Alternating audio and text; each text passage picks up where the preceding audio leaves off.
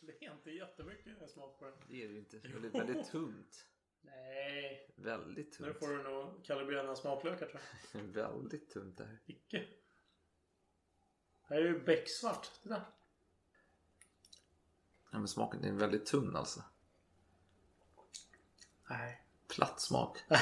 det är det ju Det här är verkligen. ju jättemörka frukter. Alltså svarta frukter. Ja, men det gör ju inte någon skillnad. Det är fortfarande platt smak. Det finns ju smak, men det... Nej, nej. Alltså det här är ju väldigt blaskigt. Alltså. Ja, ja. Nej, nu kör vi. ja. Mitt konunganamn skall vara Karl den sextonde Gustav. We shall never surrender. Allen Zeiten nicht die Mehrheit. Kom inte med en sån jävla provocerande och aggressiv ton mot mig. Där har våldet triumferat. Ask not what your country can do for you. Ask what you can do for your country. Ska vi verkligen öppna en till flaska? Ja, vad fan har du att välja mellan? I have a dream. Ah, I see you look at your leader. And I too look to you, Paul Bauma. It's one small step for man, one giant leap for mankind. Nej men vad ska jag säga? Du har ju fan druckit många glas som helst här. Du borde vara taggad. Ja, ja visst. Välkomna tillbaka till Salongsberusad historia avsnitt 25. Och idag ska vi fortsätta prata om döden. Och eh, ni som följer oss på Instagram så har vi lagt Ja. upp en bild här med en ledtråd. Just det, lite mysteriös. Ja. Vad heter det? Säger man mysteriös? Säkert. Ja. Ja. det är en extremt långsökt ledtråd eh, som vi avslöjar i slutet utav detta avsnitt. Så om ni lyckades träffa rätt här så grattis till er. Men du kan ju berätta, vad ska vi prata om idag?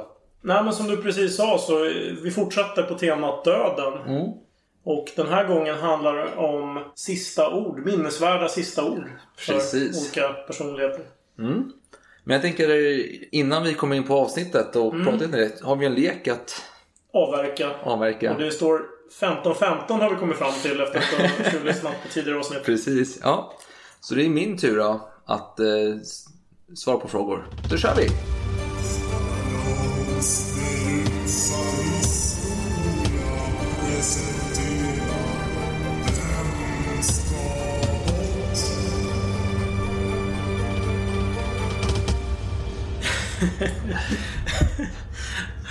det- Läskigt nöjd här. Nej, det är alltid så jävla roligt det här för att... eh, ja. Eh, eh, ja, nej men det är alltid lika kul. För det är svårt att hitta på några bra frågor och det är tio gånger svårare att svara på dem. Jag tycker man känner sig så himla dum. Ja, jo, det ingår. Okej, är du redo? Ja, jag har vinglaset framme. Perfekt. Eh, namn nummer ett. Jaha. Wilhelm Erövraren. Mm. Namn nummer två. Förgyllda Lejonets byte. Okej. Eh, ja, namn. Ja, skitsamma. Och nummer tre, Katarina den stora. Och till sist, nummer fyra, Leif Sandström. jag ska berätta lite. Ja, Ja. jag ska hjälpa dig lite grann. Ja, eh, tack. eh, Ja. Leif Sandström, han är ju inte en stor kändis. Nej. Mm. Eh, Så jag ska berätta lite grann om honom. Han är en svensk reklamdirektör och designer verksam på 1940-talet. Okej. Det var, det var ett av namnen här. Jag ska Okej. vi prata om de andra? Jag tror att det kan Isär. underlätta i tankeprocessen. Wilhelm Erövraren. Ja. Jag tänker mest på Fila Lejonet. Det är det som... Mm, mm, Vi har ju ett avsnitt om just det. mm, drakskytt och drake där. Eh, vad sa Det du? var namn, Last? namnet på, på skeppet. Ja. Ehm, det Var- var- var lasten? Byte. Byte. Mm.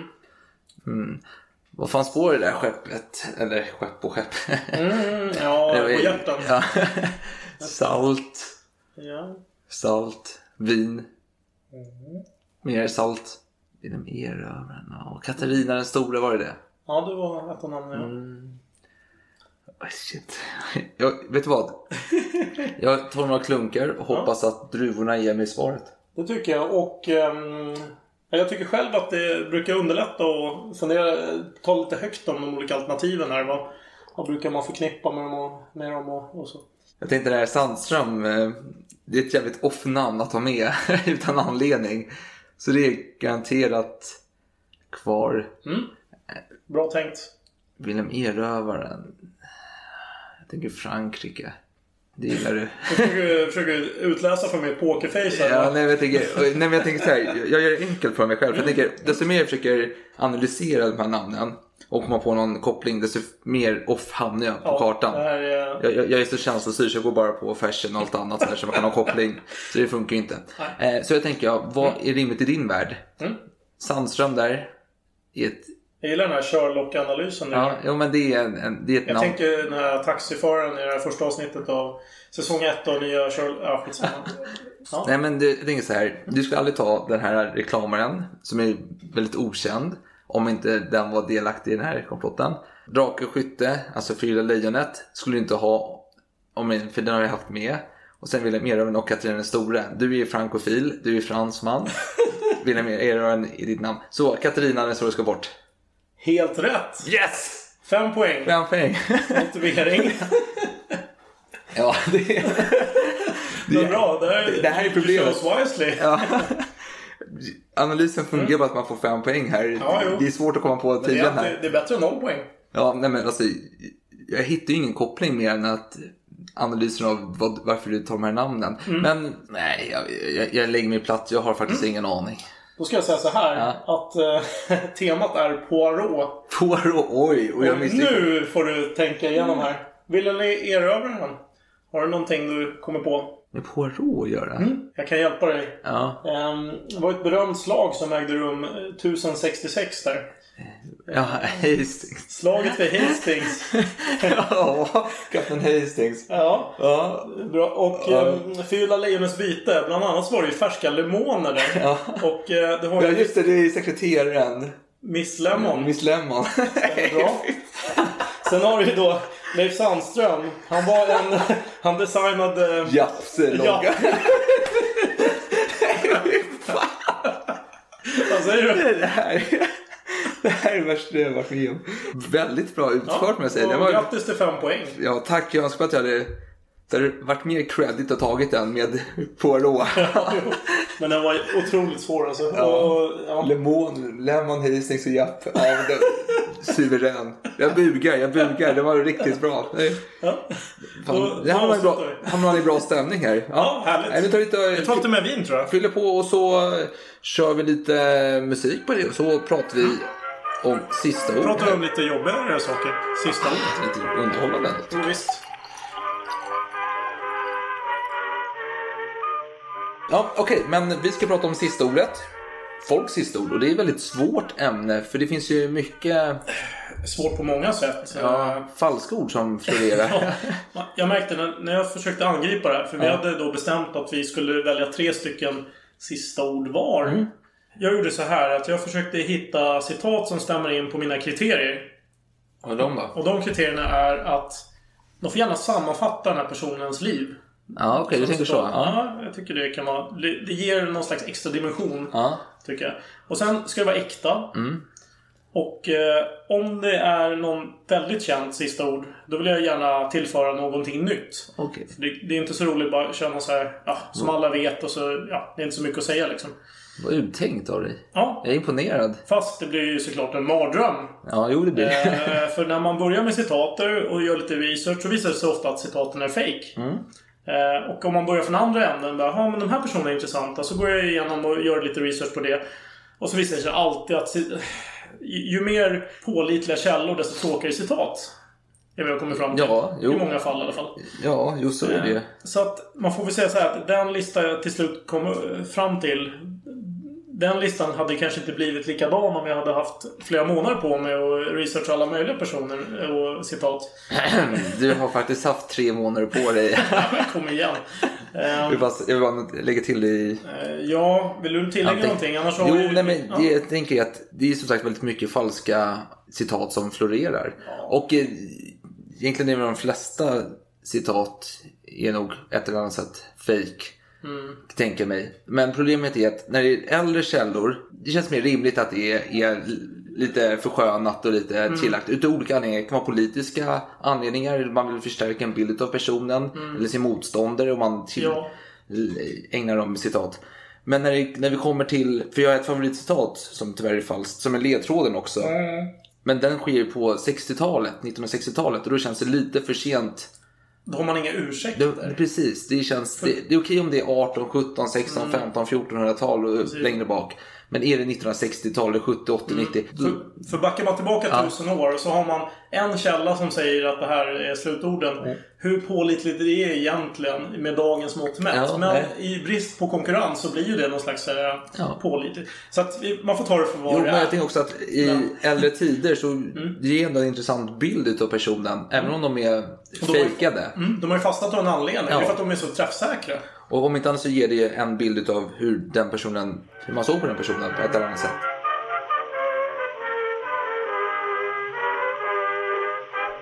jag tycker det är Mm. nu dags kör att vi vi på riktigt. börjar. Ja. Du, Vem först ska ut. börja? Ska jag börja? Jag tycker det. Så får jag chans att Mm-hmm. Ja, eh, får du- berusa mig medan jag lyssnar på din Ja, men perfekt. fantastiska historia. här. Härligt. Ja. Eh, då tänkte jag börja med Jeanne d'Arc. Mm.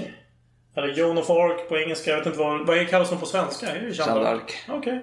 Ja, ehm, Fan vad drygt. Vad kallas hon på svenska? okej vi tar om det. Det är väl jävla frankofil. Vi tar om det, vi tar om det. Nej, det var jättebra. Varför- Nej, vad fan jag håller på att häckla med här. Jag- Jag tappar ju fokus. Eh, Okej. ja. eh, för att ge lite bakgrund då. Eh, alltså Jeanne d'Arc är ju en välkänd person så att jag ska Ja. inte hålla på och raljera över sånt som alla vet. Nej. Mm. Men jag, jag vill ändå fylla i lite detaljer om, om bakgrunden.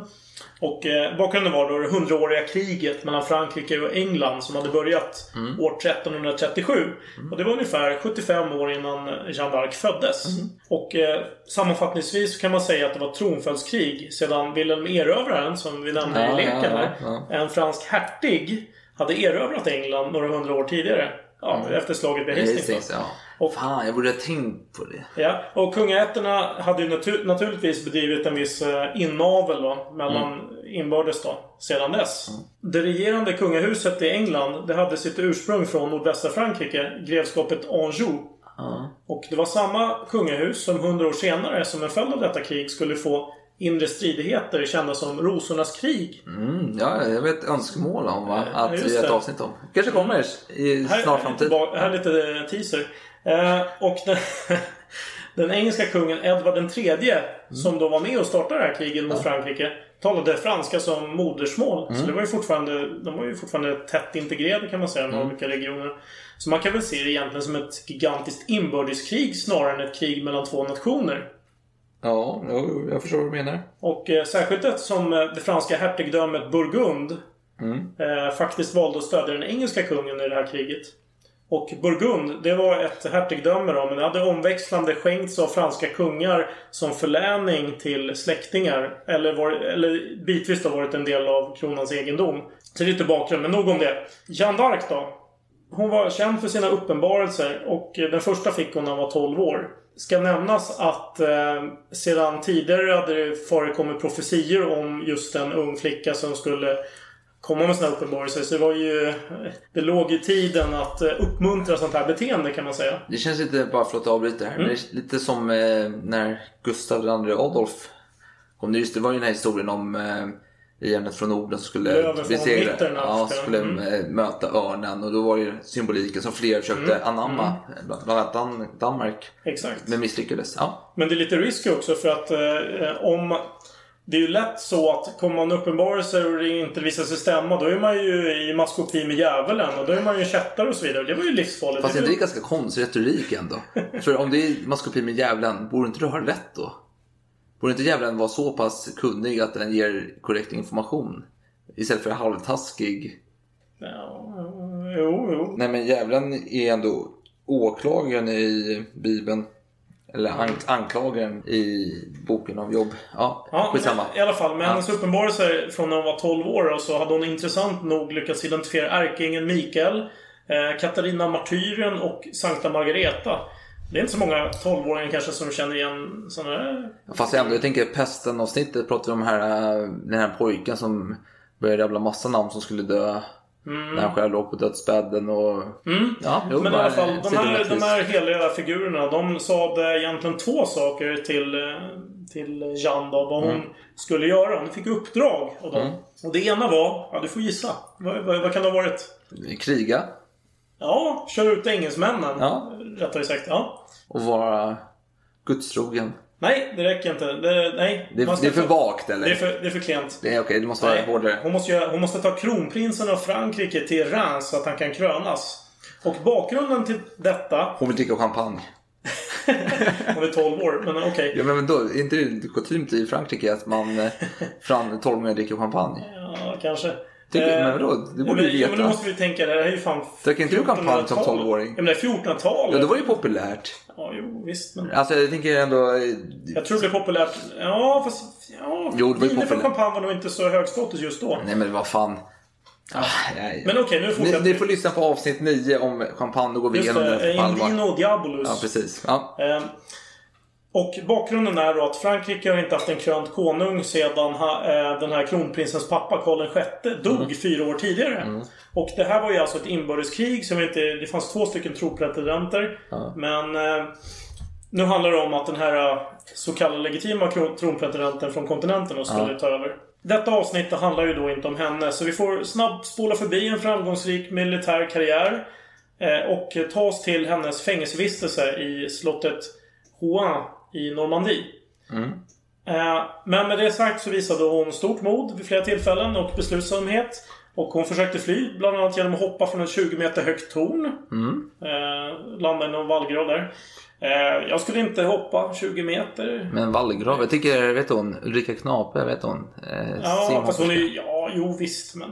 Ja, okej. Nej, Eh, Hon kanske bara... Så du tycker att hon är en Ulri- Ulrika Knape? Ja, jo. Jag tänker ändå likheter. Alright. Om vi tänker så här, kändhet. Mm. Alltså...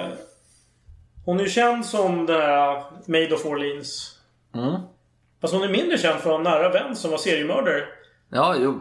Ja, vet du vad? Jag tänker vi ska ha ett avsnitt om honom sen. Jaha, ska jag inte spoila? Jo, spoila på. Gilles de Rais. Ja, riktig klassiker. Han blev så riktig småningom... klassiker. Jag, jag tänker inte prata om honom, men jag tänker bara säga att han blev så småningom avrättad och också brändes på bål. Jo, men han var ju en stor soldat och väldigt framgångsrik. Mm, och sen han var kom en det fram framgångsrik. att han har mördat barn. Så jag tänker att han får ett avsnitt i framtiden. Hur som helst, som jag redan sa, men nu gjorde jag ett litet sidospår Mm. här.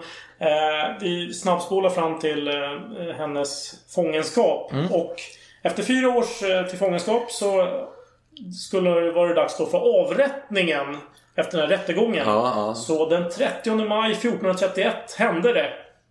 Hon var fastbunden vid en hög pelare. Det var cirka tre meter högt. Mm. Och vad var syftet med det? Jo, det var ju för att så många som möjligt skulle se det här. Självklart. Och på huvudet, hon hade hon en slags dumstrut.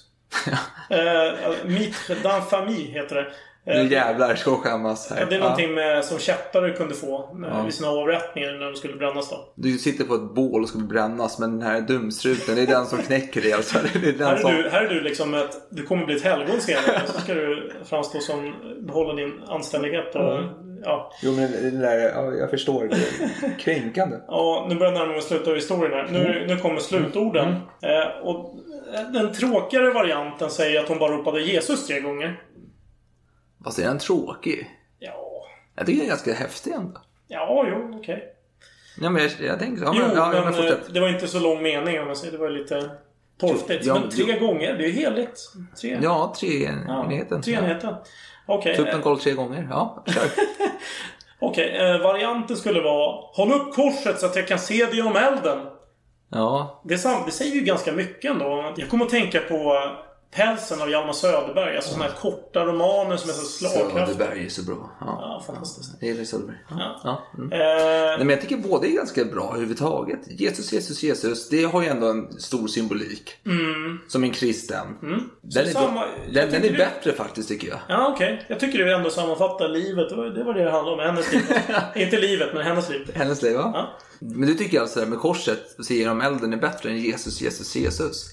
Men kors genom elden, det säger ju att hon blev bränd och att hon var... Det säger två saker. Jesus, Jesus, Jesus säger bara att hon eh, ja, var väldigt kristen.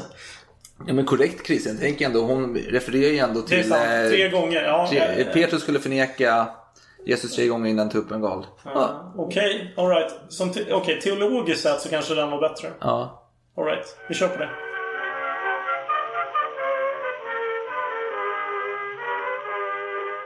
Nej men jag kommer faktiskt vara inne på en kristen, eh, kristen linje här också faktiskt. Eh, nu är mitt övergripande tema, den insiktsfulle. Och eh, detta är en eh, poddbekantskap Som ni kommer ihåg, kardinal Francesco Alidosi från eh, avsnitt 14 om eh, Michelangelo. Michelangelo. Eh, om ni inte, eller om ni minns honom rättare sagt, så har ni, har ni ett minne som får en savant att framstå som en 16-årig eh, influencer efter sin första fylla där han druckit en liter hembränt vin och rökt tre paket svarta John Silver. Alltså, vi nämnde honom bara vid förbifarten egentligen i avsnittet. så, Minnesvärt ändå tycker jag. Alidosi. Ja. Men Jag tror inte att gemene lyssnare kommer ihåg Alidosi. Nej, okej. så Det var om ni, kanske från om, boken, alltså. nej, men om ni kommer ihåg Alidosi så är jag, jag är imponerad utav ert, ert minne helt enkelt. Mm. Ja, men vem var då Alidosi? Jo, men det var en lirare som var född eh, 1455, blev biskop 1504 och kardinal 1505. Och det var en utav Julius den andre, påvedens närmaste män. Och han hade motarbetat Rodrigo Borgias, alltså Alexander den sjättes eh, försök att förgifta påven. Så de var en bundisar då. Och han var allmänt stilig, kroknäsig, eh, känd för sitt omoraliska leverne. Ryktet rullerande att han... Ökänd kanske. Ja, ja, fast eh, känd, alltså, på den tiden var ju alla i, i Rom eh, kardinaler mer eller mindre suspekta. det var bara Luther som anmärkte på det. Precis. Nej, men ryktet gjorde gällande då att eh, han umgicks med prostituerade, förförde unga pojkar, klädde sig i kvinnokläder, alla Ed Wood, eh, regissören i Hollywood där, ja, och tyckte om det ockulta. En, Mhm. en kardinal helt enkelt. Klassisk kardinal. Niklas Kardinal. Och han var ju såklart vän med Michelangelo då, och eh, drivande bakom att Micke kom till Rom i början för att göra det här gravmonumentet åt Julius den andre. Och var faktiskt den som upprättade kontraktet till eh, taket i Sixtinska kapellet åt Michelangelo. Mer om det i avsnitt 14 som sagt. Men eh, det vi ska komma till då, det är nu att det är krig här. Det är krig, krig, krig, krig. 510 Ja, fransmännen, Ludvig den XII, krig mot påven. Det är jobbigt, jobbig stämning. Julius den andre, han går ut i strid, han leder sina trupper. Föredömligt, man blir sjuk och sliten. Man har också en brorson som leder trupper. Och eh, i maj 1511, då faller Bologna till den gamla härskaren av staden. Ursäkta mitt uttal på förhand. Benti Italienska är inte så noga. Bente Voglio. Bentivoglio och eh, de krigande fransmän. För Bentivoglio hade ju varit härskare i staden. Kan kalla dem Mowgli. Men blivit utriven utav påven då. Och så nu var han hämndlysten. Så han hade allierat sig med fransmännen. Så han skulle eh, in i staden igen. Och eh, det var ju så att eh, påvens brorson, Francesco Maria, som han hette, hade lite pinsamt och skämmigt nog med sina trupper lämnat Bolognas. Och lämnat efter sig en massa kanoner och så vidare. Är det okej? Lämna kanoner? Nej, nej. Då kan fienden ta dem. Ja, det är inte okej. Det är skamligt. Och påven förklarade då att eh, han ansåg att Francesco Maria, hans brorson, då, var ansvarig skulle dö för denna förlust vid Bologna. Då. Men Francesco, han påstod att felet var den andra Francesco, vår huvudperson, då, Alidosis fel. Då han sedan 1508 var utnämnd till eh, legat i staden. Och legat är alltså en diplomatisk sändebud, ungefär som ambassadör. Och Alidoso var ju illa omtyckt i Bologna efter sina terrorår i staden där han lät mörda sina motståndare, hänga dem och alla, över 30 personer faktiskt, som han tyckte var med den här Bentivoglios anhängare mer eller mindre. Så han lät döda alla dem. Så folket de var inte missnöjda när påven förlorade sitt in, ma- sin makt då, när gamla härskaren och fransmännen kom tillbaka. Och eh, Algosa han var tvungen att fly staden förklädd. För han, ville in, han fruktar mer stadens invånare än fransmännen som fanns på utsidan. Som han riskerade. Då. Ja, men, och intressant nog, några månader tidigare så hade ju de här två personerna mötts. Eh, För Alidos hade misstänkts ha samröre med fransmännen.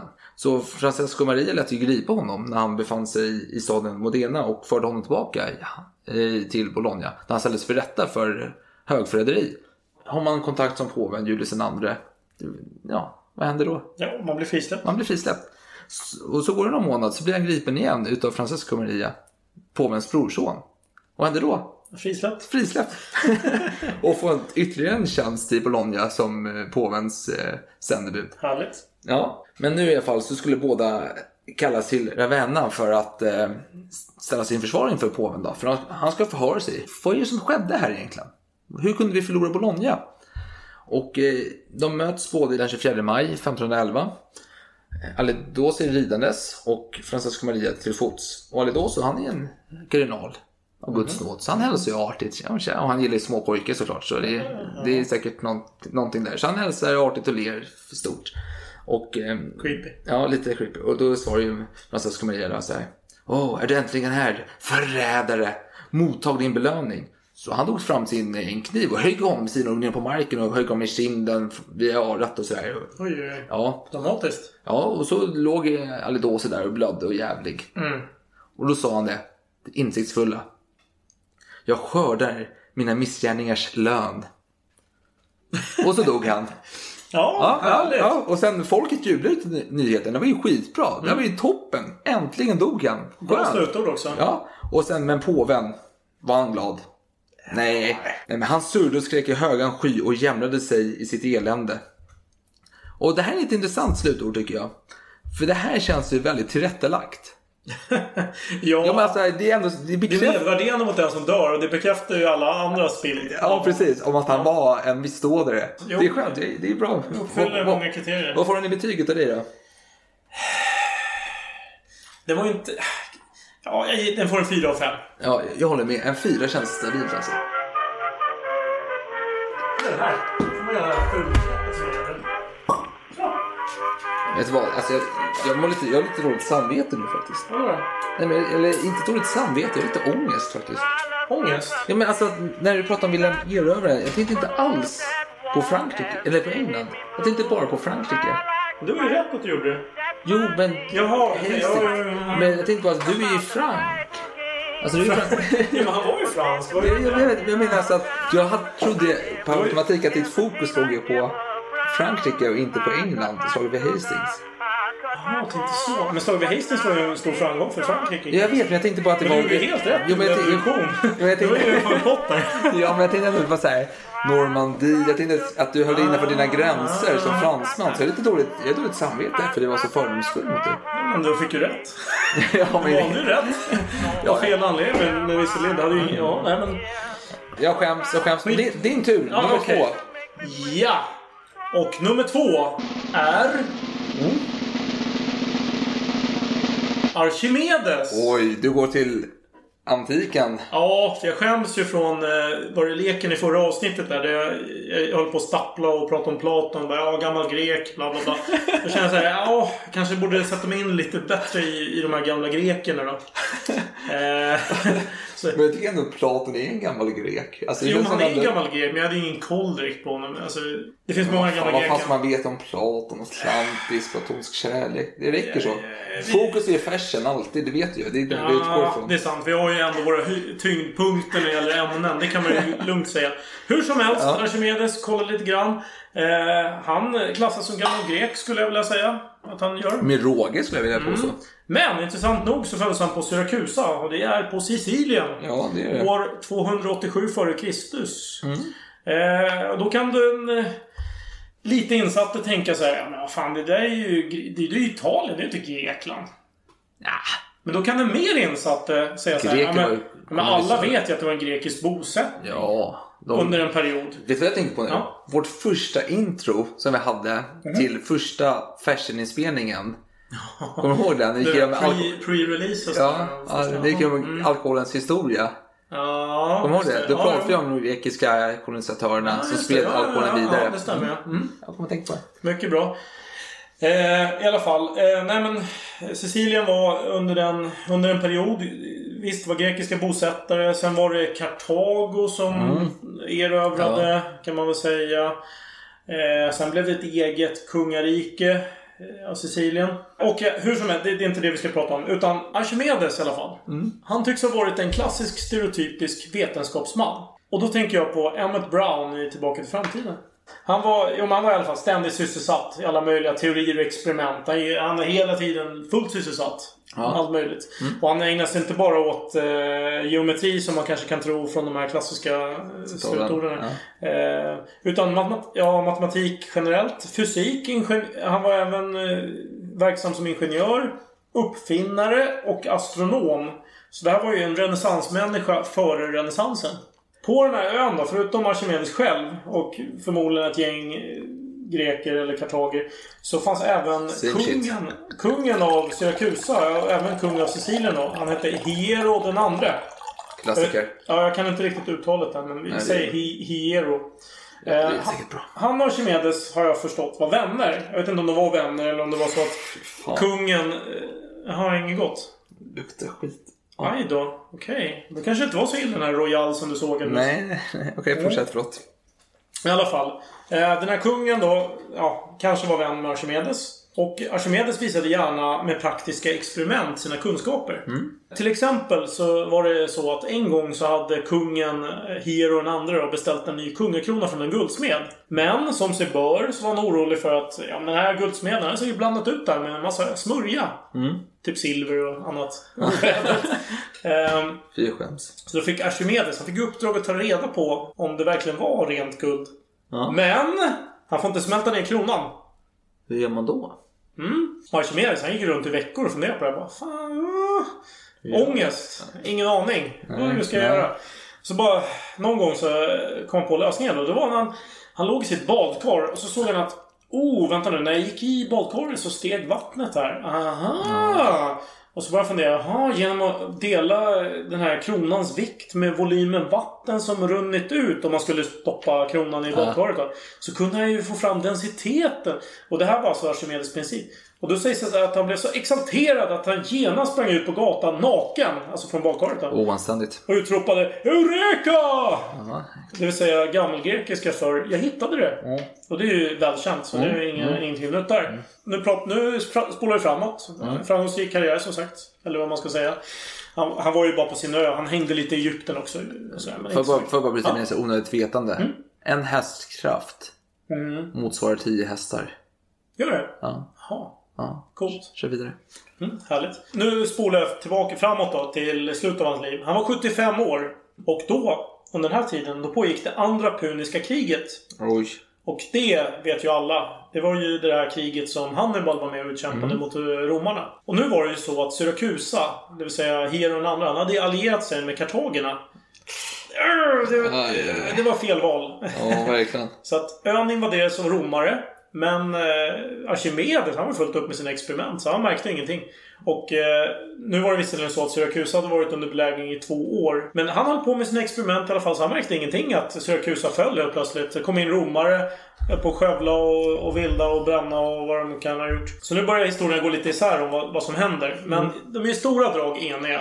De talar en del om sand. Mm. Och då har ju en del gjort tolkningen att ja, men Archimedes sitter ute och håller på och ritar i sand. Mm. Genom så här cirklar och skit. Men det finns en annan förklaring till det här. Det är att det finns någonting som kallas för abakus som är en kulram. Ja. Det ordets ursprung kan komma från hebreiskans abuk, abq, Ja. som betyder sand. Så det kan ju vara det som var missförståndet då. Så att det troligaste är väl förmodligen att han var hemma eh, Okej. Mm. i sitt hem när romarna kom. Han var djupt koncentrerad, han jobbade på något matematiskt problem. Han hade inte märkt någonting av den här belägringen. eh, Och att den var bruten och att staden var intagen av romare. Och sen när det väl dök upp en romare och bad honom följa med till Marcellus som var en romersk general som ville fånga honom levande. Då hade han vägrat. För han hade ju fullt upp. Han hade på med sina experiment. Ja, han, är ju ja, fan, han är ju fan en vetenskapsman för Guds sake. Eh, Så den här romerska soldaten hade blivit så förbannad och galen så han drev svärdet genom honom. Låt det, vara. varför skulle Lite- han bli så förbannad av en, Lite en, överdrivet. en, gu- en 75-årig gubbe som säger att han är upptagen? Blir man, blir man helt vansinnig av det? Så Ja, mycket- fast auktoritet. Jag tänker ändå att du vill att folk ska lyssna på dig när du är en, har övertaget. Men han, de här romarna hade ju fått order om att fånga honom så att... Om den här romaren hade sagt till sin general bara, jo men jag högg och- högg ihjäl honom. Då hade han förmodligen blivit avrättad. Men tänk dig, alltså, det här är ändå en proteinsnubbe. Han sitter och pumpar protein, pumpar vikter på gymmet. Riktigt så här testosterongubbe liksom kommer fram. Och så kommer den här... Jag misstänker att han är smått autistisk med tanke på att han är Det så tror jag. i- insnöad på sin Säkert område. ett par diagnoser, det tror jag. Ja. Och vägrar acceptera detta som sker. Sant. Och Och då- han, han kanske är chockad bara, va? Han, han ser ut som en förolämpning kanske, den här romaren. Ja. Och han, och han, han pumpar ju ja, här ja, liksom. det bara sp- sprutar eh, alla möjliga steroider och adrenalin och... Ja. Ja, så han, han kör... Absolut, jag köper det. Men det finns andra vittnesmål som säger så här att romaren sprang emot honom med ett svärd och sa Nu ska du bli dödad! Och då hade Archimedes svarat Kan du vänta lite grann? Det vore ju lite synd att lämna detta arbete så ofullständigt. Och då hade romaren bara äh, vad stucken ihjäl honom. Det känns ju mer orimligt. det är ändå en förhandling liksom. Det är... Ja, jag vet inte om eh, källorna går isär här, men ja, det sägs ju att han sa rubba inte mina cirklar. Ja, jo, den, det är det är en klassik. tycker Men jag. det känns ju som en så här skön, skön kommentar liksom. Ja, det är en väldigt skön kommentar. Mm. Eh, men, Och, och ja, innan du kommenterar här så han hade ju tydligen, vilket är väldigt konstigt, men han hade någon slags testamente som sa att han ville gärna bli begravd med en, någon symbol av en sfär och en cylinder. Sägs det. okej. Och den här romerska generalen, han var ju så snäll då så att han såg till att det blev så. Suicide by cop. Så, så, ja. Det här uttrycket när man tar livet Ja, ja, av sig jo, med men det har vi hjälp ju av kört polisen. i Ja. Mm. förra introt också. Ja. Eller i, nej, det- piratintrot. Ja, precis. Ja. Hur Mm. tänker du? Kan du Jag förklara? menar alltså att han ville han vill ha begravning med sina cirklar. Och, Ah! Så han, han motsätter sig när han ska gripas. Han är fullt medveten om att han kan följa med och Wow. bli... Och så tänker man, nej men jag är emot sånt för då kommer jag bli mördad här bland mina Vilken cirklar. twist! Ja. Vilken Mm. twist! Den, den är ganska bra. alltså. Och det sägs att eh, Cicero, den eh, romerska senatören, Ja. eh, politikern och ja, retorikern, Allmänt cool snubbe liksom. cool snubbe, hittade den här graven eh, något hundratal år senare. Så att, eh, vilket då bekräftat. Jo, men så, så. Mm. Men var han inte kär då? Hade han ingen så här, han kanske skrev kärleksbrev i sanden? Jag tänker på Skid Row. Mm, det I finns inga remember you, källor liksom, så här. på hans Nej. kärleksrelationer. Så det, det Nej, kan okej. jag inte svara på. Nej. Så vi vet inte om han hade familj och sådär. Ingen aning. Vet du vad jag måste sluta säga? Jag kommer på mig själv när jag redigerar avsnitten efteråt. Jag säger liksom flera gånger per avsnitt. Det är Mm. Gör det? jätte- Det låter ju såhär fjortisaktigt. Jag vet, inte det är det. Jag är jätte- inte reagerat jättehemskt. Jag har Det inte kanske reagerat på jag det. hugger mig själv i ryggen när jag säger detta. Folk kanske har Jag har inte hört det. Jag är ändå... Jag triggar på sådana här saker. Och jag tänker att jag nu Eh, tror kanske- inte det är ett problem generellt. Jag, jag kanske k- hugger mig själv i ryggen och uppmärksammar folk på att jag säger liksom ibland. För jag sa liksom men, nytt. ja, Och det är jättedåligt. men jag har inte... Jag får sluta med det. Ja, men fortsätt. Men jag har inte tänkt på det. Nej, så tack. att det talar ju för att du inte gör det. Nej, bra. Eh, jag är faktiskt färdig med det namnet. Hade du några frågor eller kommentarer? Mm. Nej, men, men jag tänker liksom att det är ändå ett eh, välkänt citat. Men ganska Slutord, ja. slutord. Men det är... Det rymmer mycket många frågor. Mm. Nej, men jag tycker ändå det det är ändå häftigt med det här principfasta. Mm. Är man så inne i sin sak, man vill inte bli störd. ja. Jag gillar det. Eh, Jag, jag har någon... Det var en, det var en Formidabel. dålig romare där som högg ihjäl honom. Alltså, helt Ja, enkelt. men jag tänker det är mycket, äter för mycket barbells liksom och pumpat för mycket på gymmet och Barbus är druckit... väl inga steroider? Nej, men det är väl protein så han Ja, har druckit PVOs liksom innan han har ju kört tyngdlyftningar. Ja.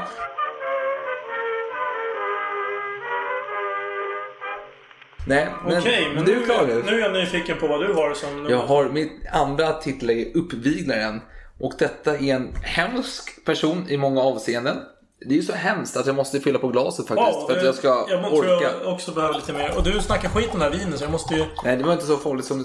Lite ungt vin, men eh, det är ändå en 2016 va? Ja, det är Ja. ungt. Det är ungt. Eh, men den luktade sämre än vad den smakade.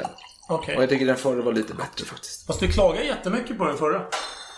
Nej, jag klagar istället för att vara tunn den förra. Ja, så var Det det. var- det var inte negativt. Du som tolkar är negativt. Ja, men du, du gjorde såhär grimaser och bara... Men jag hade hoppats på en riktigt eh, så här, smakexplosion i gommen. När någon, Det är ingen Bernadotte. Nej, men, nej. nej, nej, nej. nej. Okej, i alla fall. Mitt namn är en person du har nämnt i ett avsnitt. Som jag har nämnt. Du har nämnt Mm. personen i ett avsnitt, men jag- jag tror det klipptes bort för du började sväva iväg otroligt mycket. Så ni lyssnare har inte hört detta, men jag har fått höra det allt för många gånger. All right. Och det är George Jacques Danton. Du får gärna... Ah, Danton. Mm. Danton. Danton. Du får gärna rätta mitt, mina uttal här, för det är i Helst Frankrike. inte, men om du ber om det så kommer jag göra det. Ja, absolut. Ja. Och Danton eh, var ju född 1759, rättare sagt 26 oktober, i regionen Champagne. Och han var ju utbildad jurist och flyttade till Paris 1787 där han började praktisera sitt yrke. Då. Och under revolutionen så började Danton arbeta politiskt och var med och grundade Corellierklubben. Uttal? Korrekt? Cordelier. Tack. Och det var alltså en eh, klubb som var väldigt eh, eh, republikansk klubb, mer eller mindre. Och de höll till ett franciskanerkloster som hette Kolidi, Kolidi, vad fan. Cordelier, Cordelier. Okej. Men, men du uttalar Fast när ju... du säger republikansk, jag menar det... det, det Jo, det var det går jävligt ju att tolka republikanskt. på alla Det möjliga var sätt. jävligt republikanskt. Jo men du jag får vet det. tänka, det var så många fraktioner där. Det var en del som var moderat, ro- rojalistiska, en del Han, lite var- de, mer var extrema. inte, de var inte, vi har kommit till det sen. Okej. De var inte moderata på något sätt. All right. Sen var det Eller jag behöver berätta om den här Danton först. Då. Han var Mm. inte en fager man utan han beskrevs som ett monster till det yttre. Monster. På vilket ja, sätt? ja, men alltså, han hade ju stor panna. Alltså, han, var Han var Mm. inte, lite grotesk då han kanske? var väldigt grotesk. Hårt eh, hårfäste som gick rakt uppåt. Och, Han var lite Shrek. eh, lite Shrek. Ja, verkligen. Men han såg mer ut som en, någon vanskapt monster i någon eh, Frankenstein. fantasyfilm. Nej, inte Frankensteins Frankenstein. monster. Nej, nej. Det, det är för eh, fyrkantigt. Detta var mer ett, Mm. eh, lite, lite rundare fast lite spetsigt på samma gång. Jag tänker någon fantasy... Mm. Ja, eh, ork. Ork liknande. Ork, okej. ja, Mm. Han var inte så vacker då. Och eh, han ville ju avskaffa monarkin redan i början utav eh, revolutionen. Till skillnad från eh, jakobinernas stora man Robespierre. Jaha, han ville alltså inte Nej, avskaffa han, kungen? nej men han, ville, han tänkte att det var lite för stort steg att avskaffa monarkin. Wow, det trodde jag verkligen inte. Och det här, detta är hemskt att jag tar upp detta, för jag vill inte nyansera bilden av dessa hemska män. Jag vill ju gärna vara väldigt svartvit när jag kommer till dessa. Ja, Men jag måste okej. nyansera nu. Ja, och det är- härligt. Det och det- uppskattar och, och det vi. tar på mig alltså. Det är, Nej, men det uppskattar vi. Jag får lägga mig i fosterställning och gråta efter den här inspelningen. Ja. Men nu får du hålla dig till sanningen. Ja, men det är alltid. Men den 10 augusti avskaffas i alla fall monarkin 1792 då, i Frankrike och Danton han korkar väl upp champagneflaskan och eh, firar. Och han, strax därpå blir han utnämnd till justitieminister. Eh, sedermera ledamot utav nationalkonventet. Mm. Och han var även med och startade och drivande i välfärdsutskottet. Låter riktigt som en helylig kille här. Välfärdsutskott. Ja. Mm. Alright. Ja, härligt. Precis. Men sen har vi en annan klassisk lirare, Jean-Paul Marat. Ja, ja. Det låter bra. Mm. ja, som kämpar mot juridisterna. Och det, juridisterna var en grupp som var emot, de var moderata republikaner. De var emot jakobinerna som de tyckte var lite för, lite för grova i kanterna. Mm. Var, var det girondist? Alltså var de i maskopi med girondisterna? För de var ju också lite så här eh, moderata. Ja, men juridisterna var moderata. Ja, ja. och Jean-Paul Marat var ju emot juridisterna. För han var ju mer för jakobinerna. Jakobinerna var extrema.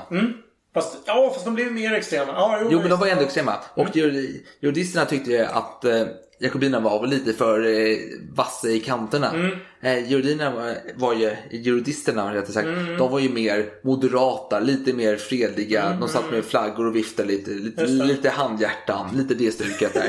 Ja, Okej. Fast inte så mycket handhjärtan. Nej. För den här Jean-Paul Marat, han var ju emot juridisterna. Och, jaha, okej. Och- Och, det och- innebär att och- han tycker att det var... Han tyckte de var... De var klena. Ja. Och han var ju en vass lirare liksom. Han har varit reporter och skrev vassa texter, pamfletter om detta. Eh, och han blev så hatad att han fick gömma sig i kloakerna. Och detta hade ju ett pris. Han fick ju hudsjukdomar till detta. Och hudsjukdomar, det måste man ju bota med att bada i badkar. Och det gjorde den här Jean-Paul Marat. Och det blev hans död. Jo, för en judist kom hem till honom och mördade honom när han låg i badkaret. Och detta gjorde honom till en jakobinsk martyr. Och jakobinerna blev ännu mer eh, Gaston här, skönheten och odjuret. Gaston. Ja, men lite Tänker mer upp till på, kamp, skönheten och eh, odjuret. Skönheten och odjuret, Ja, ja. Mm. de gick upp till kamp här och det blev så... Fast han var ju ändå lite moderat. Men, Fast- nej, vadå? han var, lite, han var lite mer extrem än Ja, Moderaterna. precis. okej. mm. Så Så nu blir de vi- ännu vildare. Ja, så vid 1793, då var terrorn ett faktum i Frankrike. Terrorväldet. Ja, precis. Och framförallt i Paris. Jakobinerna levde ju rövare helt enkelt. De var riktigt jävliga. Den naiva, godtrogna, hoppfulla känslan hos parisarna, eller folket, om man nu kan kalla det förrädare för folk utav Frankrike. Men det var fortfarande fattiga. Oj, big surprise. Och folk dödades dagligen. Eller mördades. Det var, upp i, det var ju 30 personer per dag som blev avrättade i denna terrorvälde. Och Robespierre han tyckte att detta var ju... det- det- Jag är en demokrat i hjärta och själ. Men detta är rimligt.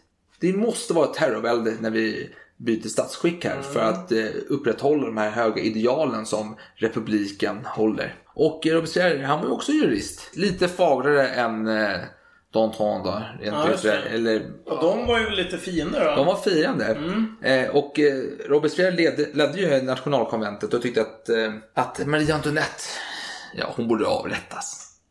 Och nu byter de skepnad här helt plötsligt. För Danton som var emot monarkin Mm. och Robespierre som var lite, inte för, men han tyckte ändå att det är jobbigt att byta statsskick direkt här. De byter plats nu. Mm. Oj. Så Robespierre, han vill ju avrätta Marie Antoinette. Wow. Går ut till. Oj, han är bad cop. Ja. Nu är jag plötsligt- Och Danton tänker, ah, men hon är ändå till charmig. Oj, good cop. Ja, verkligen. Så han motsatte sig. Men eh, Robespierre vann då med en röst. Och och hon blev ett minne blott då, till Fersens stora förtret. Och Danton, han behövde en paus. Det blev för mycket här i Paris. Jo, men så han, han lämnade Paris ett tag. Men eh, sen återvände ju den eh, trevliga Danton till Paris och han blev mottagen som en hjälte. Han fick stående ovationer till och med. Ja. Och han ifrågasatte, jag beskrev under det, vad har all denna grymhet som vanade re- republiken för mening? Och folket jublade. Det var så här. Och där, där får vi ändå flika in att han var inte bara ett troll. Alltså- Han var ju inte bara ett troll, han var ju vältalig. Ja. Han var ju älskad. Han var ju väldigt stor talare, det, det, enligt dåtidens eh, förrädare. Eh, han tog mark i Paris, alltså han, han växte större och större i Paris. Och Robespierre tog lite, han, han, han, han sparrade upp här lite först. Då tänkte jag, fan den här jävla Du killen. höjer ju nävarna som en boxare. Ja, han, alltså jag, men jag jag gör det. Så här. Och Danton på andra sidan. Alltså, om Ja, tänker att ja, eh, ja. Robespierre sparrar Oj, lite här. jag Liksom. sparrade, Och ja. Danton tar en kraft alltså. han, han är som eh, Guy från Street Fighter. Wow. Eller vad heter han? Eh, Keanu. Jo, vad hette han? igen? Rai, Ray. R- R- Ryu. Ryu, Ryu. Ryu. Ryu. Och han spänner och han till Hadoken, Hadoken. Ja, Ja, precis. just det. Mm. Och Robespierre tänker alltså, jag måste ju göra någonting. Ja. Jag måste göra någonting. Jag arresterar honom. Och hans anhängare, vad, vad är straff, eller vad är brottet då? Ja. Jo, men de är royalister! Vilka är det lister sa du? Danton! Jaha. Ja, Jo, det, jaha, det, okej, tydligen. det, det, det, så är det. Så är det. Det var ett skällsord på den tiden. Ja, precis. Så, och förrädare och realist blev Mm. han anklagad för. Och i ratten fick Don- Danton frågan vad han hette och var han bodde. Börjar vi närma oss klimax där? Mm. Och han svarade ilsket. Mitt namn, min bostad, mitt namn är Danton. Välbekant i revolutionens annaler. Alltså årsböcker. Min bostad ska snart vara i det stora intet. Men jag ska leva vidare i historiens Pantheon. Oj, Pantheon. Det är ju det här eh, äremonumentet över de som är döda. Där Alltså, folk ligger va? Ja, jo, absolut. Som sagt. Härlig folk alltså. Och folk var ju på hans sida här. Så Robespierre var tvungen att muta lite juryn här liksom. eh, Eller förlåt, hota. Hotar jag. Så Danton blev dömd till döden. Så den 5 april 1794 så är det dags att bege sig till giljotinen. Mhm. På väg till avrättningsplatsen passerade Robespierres hus. Då skrek Danton. Du kommer att följa mig! Ditt hus kommer att bli rivet och salt kommer att sås på den plats där det stod. Wow! Och Är, så... det, är det korrekt? Va? Är det... Det, det, det, Sanning, är det, är det bekräftat citat? Ja, det nämns i olika källor. Sen, kan vara- Det kan vara- Och det kan ju också... Jag kommer till, jag kommer till avslutningen med Ja, det förlåt. lite. Ja, fortsätt. Det är jättebra att du ställer, men jag kommer till det senare. Jag är så otålig. Och, och så kom han fram till bödeln och det sista han sa. Visa upp mitt huvud för folket. Det är värt att tittas på. Fjum! Han blev avrättad. Och Robespierre då? Han blev själv avrättad den 28 juli 1794. Några månader senare, det vill säga. Kan jag profetia? Utan rättegång dessutom. Han, han, Förtjänar han en rättegång? Nej, Fy fan, aldrig. Och detta är intressant, för jag vet inte, det här är alltså ett tvetydigt citat tycker jag. Han är uppviglare, så vad menar han med detta sista ord? Visa upp mitt huvud för folket, det är värt att tittas på. Ja. Viglar han upp mot Robespierre, visar att han är ändå folkets man som blir avrättad. Ja, det känns som det. Ja. Vad har du för Eller- eller- alternativ? Ja. Nej, jag vet inte, är, är han så ful så han ska skrämma folket? Nej, det tror jag inte. Jag tror inte det är det han menar faktiskt. Jag vet inte. Jag tror inte Men han... oavsett så är det, är det uppviglande. Ja, jo, visst. ja, vad fan. Jo, men och ifall, Han kanske gillar attention liksom. Ja men 1800-talets historiker de skrev ju fram detta. De gjorde detta till, alltså jag tänker på den här filmen som kom eh, Jason vs Freddy Krueger som kom. någon har gång inte på sett den. Nej Jag- inte jag heller men den kom jag på tror inte jag 2000-talet. tror- ja, nej. det är ändå gi- giganternas kamp här. De stora skräckväldets stora giganter. Alien som vs möts. Predator. Ja precis, jag menar alltså, det är lite den Ja, känslan. jo, ja. Ja, okej. Och man skri- tillskriver ju eh, Danton, han var ju inte så fager, han var ju inte vacker. Han var lite som Fantomen på Operan. Mm. Fast utan genialitet, han var bara vältalig men misslyckad i övrigt. Ja, Och okej. Robespierre är, Spännande. är klena Raoul fast han lyckas avrätta folk. Jag vet inte vad jag ska komma med detta. Nej, jag vet inte Eller- heller. ja, men jag tänker, vad ger du för betyg på denna Men uppviglare? jag gillar ju... De här snutarna var ju fina alltså. Ja, De var ju härliga så att... Alltså jag vill inte ta till överbetyg, så jag vet inte. fyra plus av fem? fyra plus av fem. Ja. Du går över Alidosis eh, Ja, det gör jag.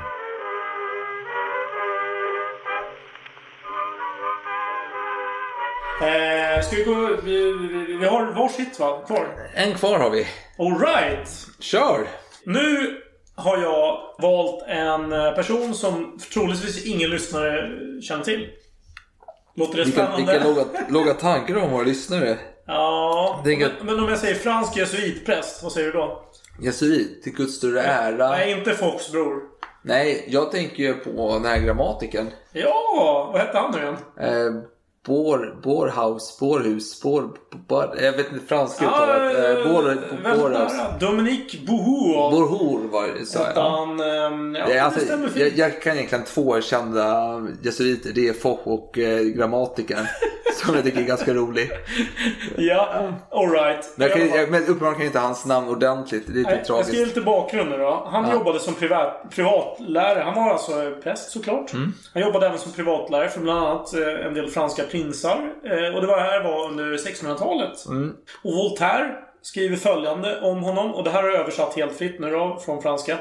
Han levde med det bästa sällskapet i Paris. Jag talar inte om Jesus. Utan om det mest framträdande, genom sina karaktärer och kunskaper, världsmedborgare. Ingen har haft en renare karaktär eller varit mer avhållsam. Det föreslogs till och med i Franska Akademin att frångå institutionens regler för att sälja honom till sin medlemskara. Vilken toppenkille! Ja, Eller hur?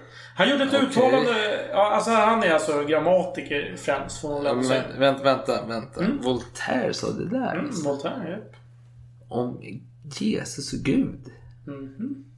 Oj, jag, jag är imponerad. Okej, ja, fortsätt. För jag tänker ändå... Nej men det var Vol- ju, det var ju hånfullt så jag talar inte om Jesus utan... om hans- Ja, men alltså, han, Voltaire var ju född i slutet av 1600-talet. 94. ja, men det här kan ju vara efter hans död som någon har sagt det. det... Eh, Jo, men hur mycket kunskap? Ja, skitsamma. Ja. Nej men det- okej, för att nämna det. Även om vi inte, eller de flesta av oss inte vet vem det här är så är det eh, under... I Frankrike under flera hundra år, egentligen fram till franska revolutionen, så var det här liksom ett hushållsnamn. Ja, jo. Eh, Så han, han gjorde ett uttalande om franska språket och det här är återigen då fritt översatt av mig. Av alla uttal så är vårat det mest naturliga och enhetliga. Kineserna och nästan alla asiatiska folk sjunger. Tyskarna gnäller. Spanjorerna deklamerar. Italienarna suckar. Engelsmännen visslar. Det är bara fransmän som helt enkelt talar. Och också, det finns knappt något annat land i Europa där man inte hör franska. Och jag kan inte låta bli att erkänna att kännedom om utländska språk inte är särskilt nödvändigt för en fransman på resande fot. Vart kan vi inte åka med vårt språk?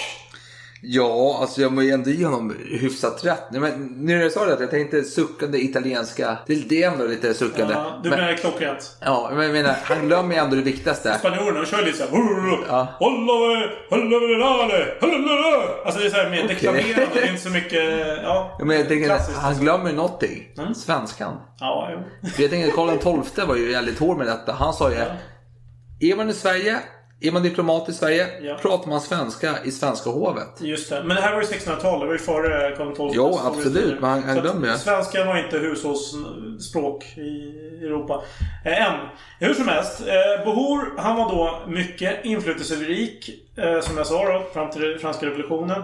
Men han fick även lite kritik under sin samtid.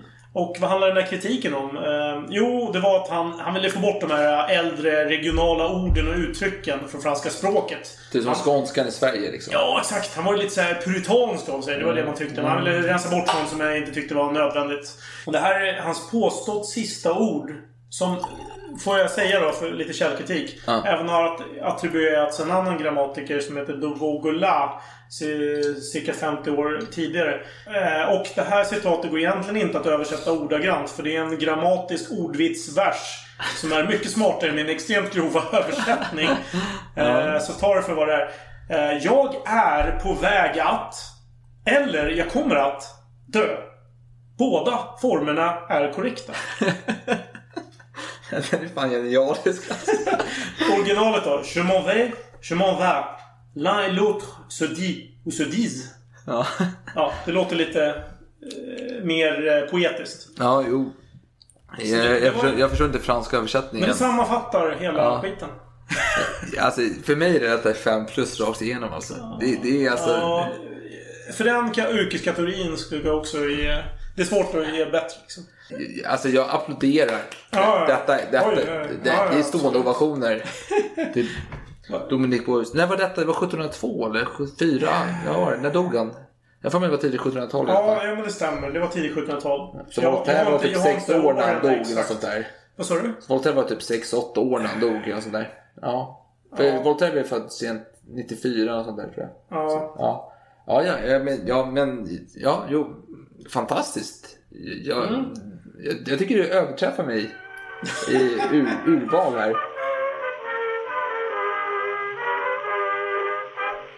ja, men nu är jag väldigt nyfiken på vad du har att säga som ditt sista namn. Mitt sista namn.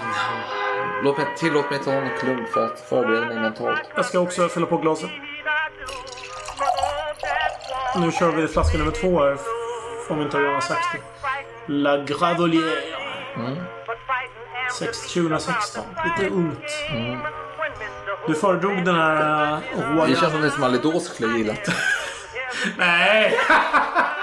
den, var, den var låg.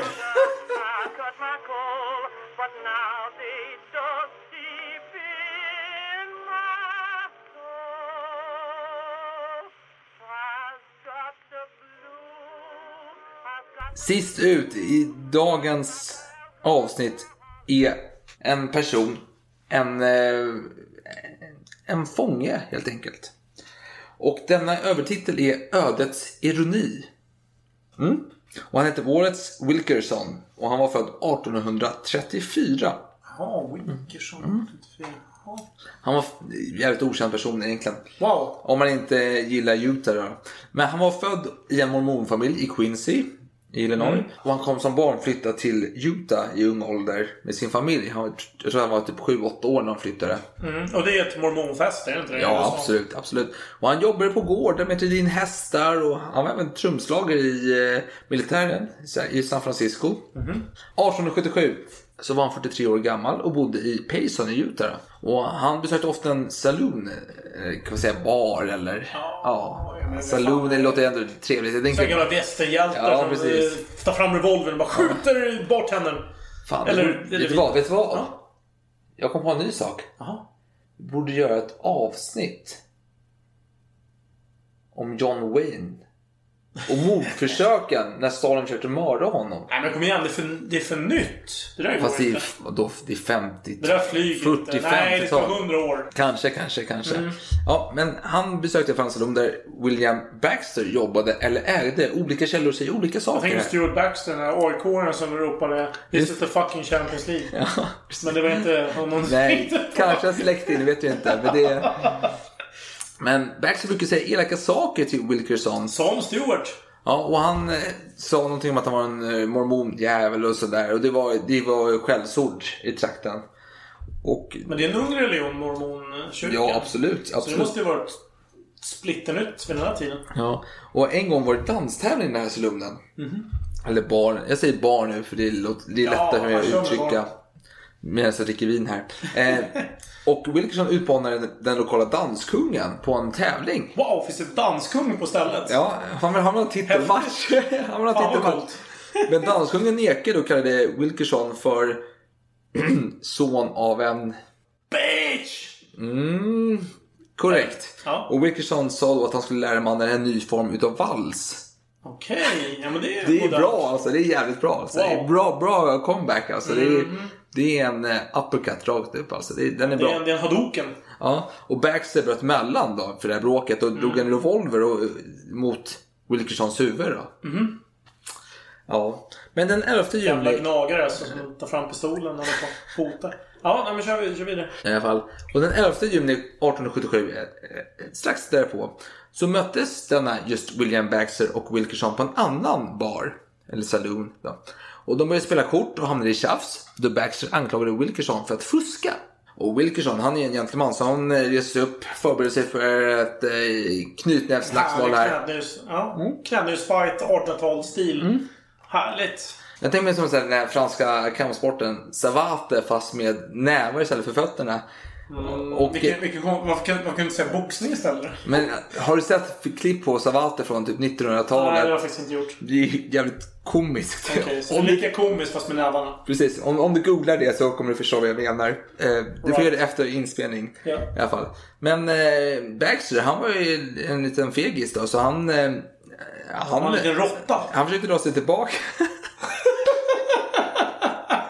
och, eh, och drog sig undan. Han försökte säga åh nej, nej, no, no Pepe, no fighting. Och liksom, och, men Bag- eh, Wilkerson, han var ju stenhård alltså. Ja. Han drog fram en revolver som han hade och tog tag i Baxters hår och vred honom åt sidan med huvudet och satte eh, revolvern mot tinningen och Oj! sprätte hjärnan, eh, dekorerade hela fondväggen där på baren.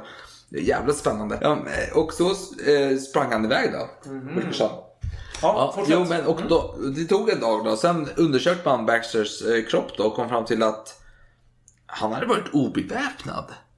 Och nu börjar jakten på Wilkerson eh, ta fart där. Ryktet sprider sig snabbt i västern här i USA på den här 1800-talets senare halva då. Mm, Vilda västern är över. Ja, ja, men så man, Eh. man lyckas gripa honom och hålla honom inlåst för eh, pöbeln, lynchmobben, är efter honom och det är jävla bra stämning här utanför eh, fängelsehålan. Liksom. Bra stämning, på vilket sätt? Det är kreativt när det är lite så här lynchstämning. Mm. Det väcker ändå någonting intressant, en samhörighet. Även om de har fel i sak så är det en samhörighet som är intressant. Hos, från hos att- lyncharna så hinner, hinner man, hittar man upp. Ja. Vad fan nu är jag för full? Eh, ja. Nej, man, hos lyncharna finner man en samhörighet. även om den är ja. miserabel, fatal, eh, nämnd benämning här. Mm. Men den är intressant. Det är en gemenskap. G som är gemenskap. Wow! Wow, All jag fick right. lägga till det. Ja men fantastiskt. Ja. Men i alla fall, Wilkerson, han... eh, Wilkerson va? Wilkerson ja. Mm. Han ställdes inför mordjustitien och blev dömd till döden. Mm. Och Han fick då, Wilkerson hävdade att han var oskyldig. Ja. Eh, men han fick välja avrättningsmetod då. Hängning, halshuggning Vilken välja, vilken lyx! eller arkebusering. Hängning, vad sa du? Hängning, arkebusering eller? Halshuggning. Okej, hängning är ju dum. Eh, Nu tänker jag medeltidare. Ja, arkebusering låter bra. Vad var det andra? Och så var det... Halshuggning. Halshuggning är i och för sig ganska trevligt. Arkebusering. Fast tänk om han misslyckas. Arkebusering. Jag skulle ha valt arkebusering. Vad valde Wilkerson? Jag har ingen aning. Arkebusering såklart. Oj, titta! Full pott, men han jackpot. överklagar för i USA finns det någonting som heter eh, brutalt och ovanligt straff. Som är förbjudet. Så han överklagade och tyckte att detta var det. Men han valde straffet som han tyckte var för brutalt och, eh, och så vidare. Ja, men han tyckte att alla- alternativet var för brutalt. Det var inte rimligt. Men vänta nu. Han, hade, han fick själv välja mellan tre olika alternativ. Han valde ett och sen klagade han på att det var för brutalt. Har jag missförstått någonting? Nej, inte som jag har förstått det hela.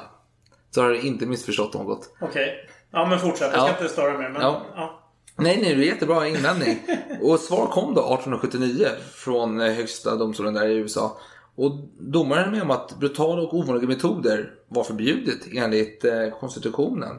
Men att arkebusering inte inföll i, i den kategorin när det handlar om eh, den här klassen utav mord som det ändå åsyftades. Men 15 maj det kla- eh, 1879 då. Det klassiska sista dygnet. Det är detta man väntar på. Han fördes till fängelset i Provo. Och han fick tillbringa tid med sin fru. Han satt och hängde där. Han... eh, n- Hängde där. ja. Eh, Och eh, natten blev till dag. Det blev den 16 maj. Och han tackade nej med att hänga med prästen. Han ville inte ha någon sista... Ingen sista OS-smörjelse Nej, och sån precis. tjafs. Sån smörja.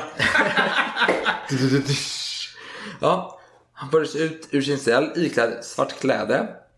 Eh, vit filthatt och en cigarr.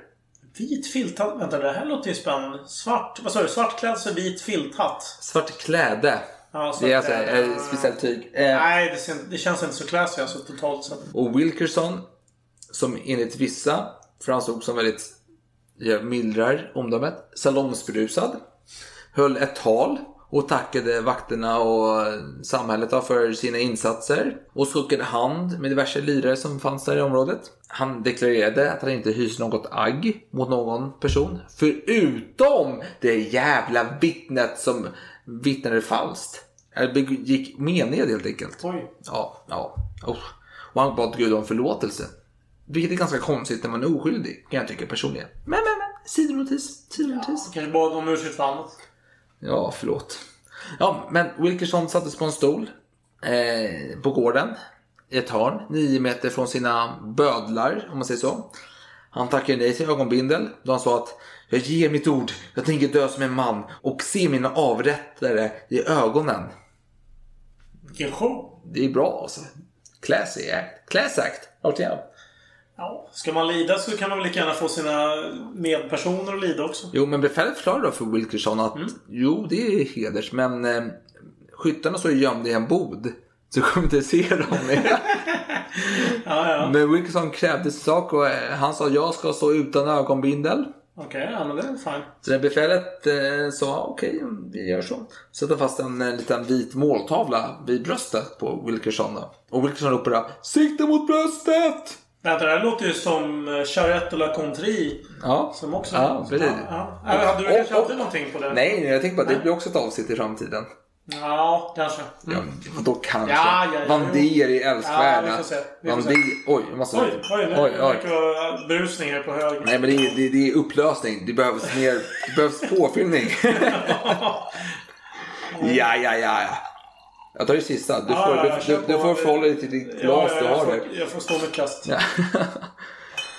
Tärningen är kastad som någon sa. Uh, Eh, Alea jakta häst. Och generalen då? Han ropar till sina mannar. Redo! Sikta! Wilkinson överhörde detta. Och när han hörde den här med att sikta så började han trycka upp sina, sina skuldror bakåt eller uppåt beroende på hur man ser det. Och det inne, innebar ju att eh, den här eh, måltavlan på bröstet eh, höjdes. Och skott avlossades. Och Wilkinson hoppade ut ur stolen framåt. Ah! Föll till marken. Wow, dog han? Hans sista ord borde således vara sikta på mitt hjärta. Men är det ödets ironi? att, han- att det inte träffade hjärtat, eller gjorde det? Eller vad? Oh, Ja, det blir svårt Det är här. ju mindfuck här. Ja, det får du förklara. för jag är lite salladsbrusen. För han, han dör inte. Han...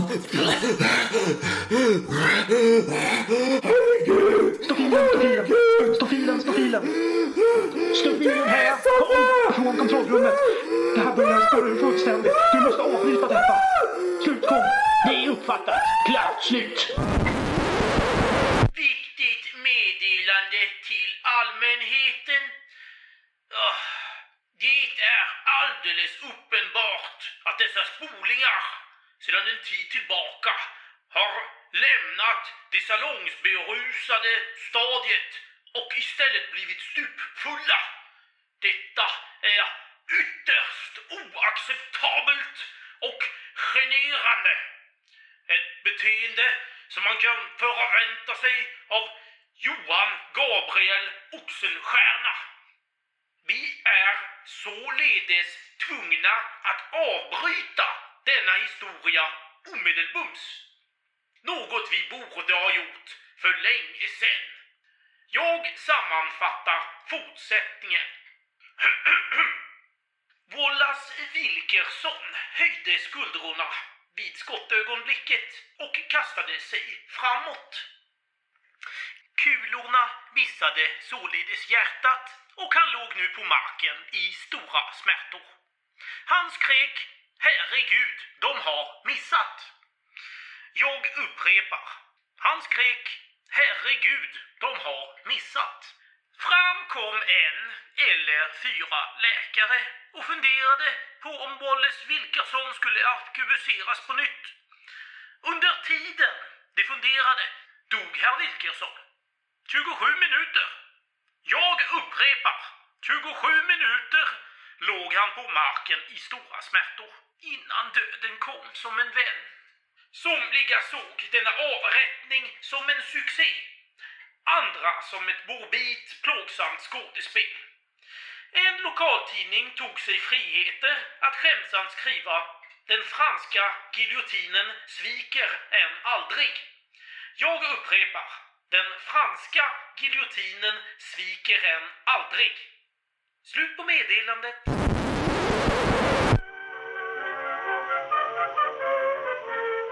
Men hur känner du efter detta avsnitt då? Ja, jo, men det känns väl okej. men det, som vanligt, man har ju så här extremt höga ambitioner. Ju mer man funderar på avsnittet, bara, hur ska vi lägga upp det här? Ja, jag vill verkligen ta upp det här och det här och det här, de här aspekterna. Sen när det kommer till kritan, då måste jag alla full, så det blir det vad det blir liksom. Ja, men återigen, vi finns på Instagram, vi finns på Facebook. Eh, Salongsbrusad historia. Skriv in det i sökfältet så hittar ni oss. På Instagram har vi haft en bild inför detta avsnitt. Med en liten ledtråd. Ja, var det dags för den? Och det, på bilden var det... Pommes frites i en... Eh, jo. Jo, jo, men på den bilden hade vi även två vinflaskor som vi druckit ikväll. Plus en flaska Rifans Godenband. 40 veckors lagrad i vinfat. Väldigt trevlig som vi drack innan avsnittet. Och eh, då är då frågan, vad är kopplingen till detta avsnitt? För det var jävligt långsökt. För detta är ett, ett av de bästa citaten som har sagts utav en död man. Om Som- det nu stämmer. Som stämmer. aldrig har sagts. Ah, Det är så här att personen i fråga hette James French och han var mördare. Han mördade en chaufför när han liftade. Blev upplockad, eller var det av en motorcykel, något sånt där skit. Och han ville, han ville dö själv. Men han vågade inte ta livet av sig. Vad gör man då? ja, man ser till att man avrättar antar jag. Ja, Man dödade sin cellkamrat. Top notch. Och så blir du avrättad på, ja, som eh, ett, eh, en belöning liksom för ditt dåd.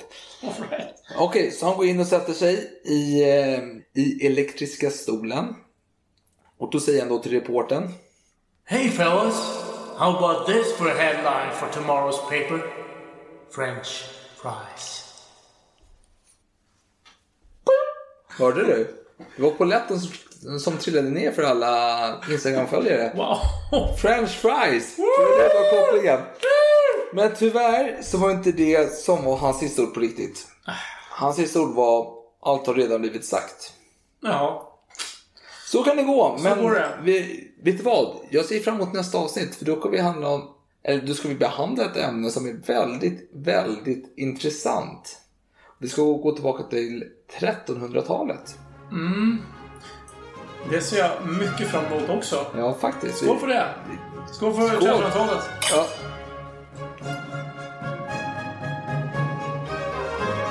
Ja, jag, hade någon, om- jag ville kolla upp Napoleon såklart vad han sa. Men han sa ju bara Frankrike, armén och Josefin. Och det var olika vittnesmål som sa det. eh, kollat upp ganska många olika personer. Så att, eh, men men, inte tillräckligt. Han, han, han var ju otrogen Napoleon.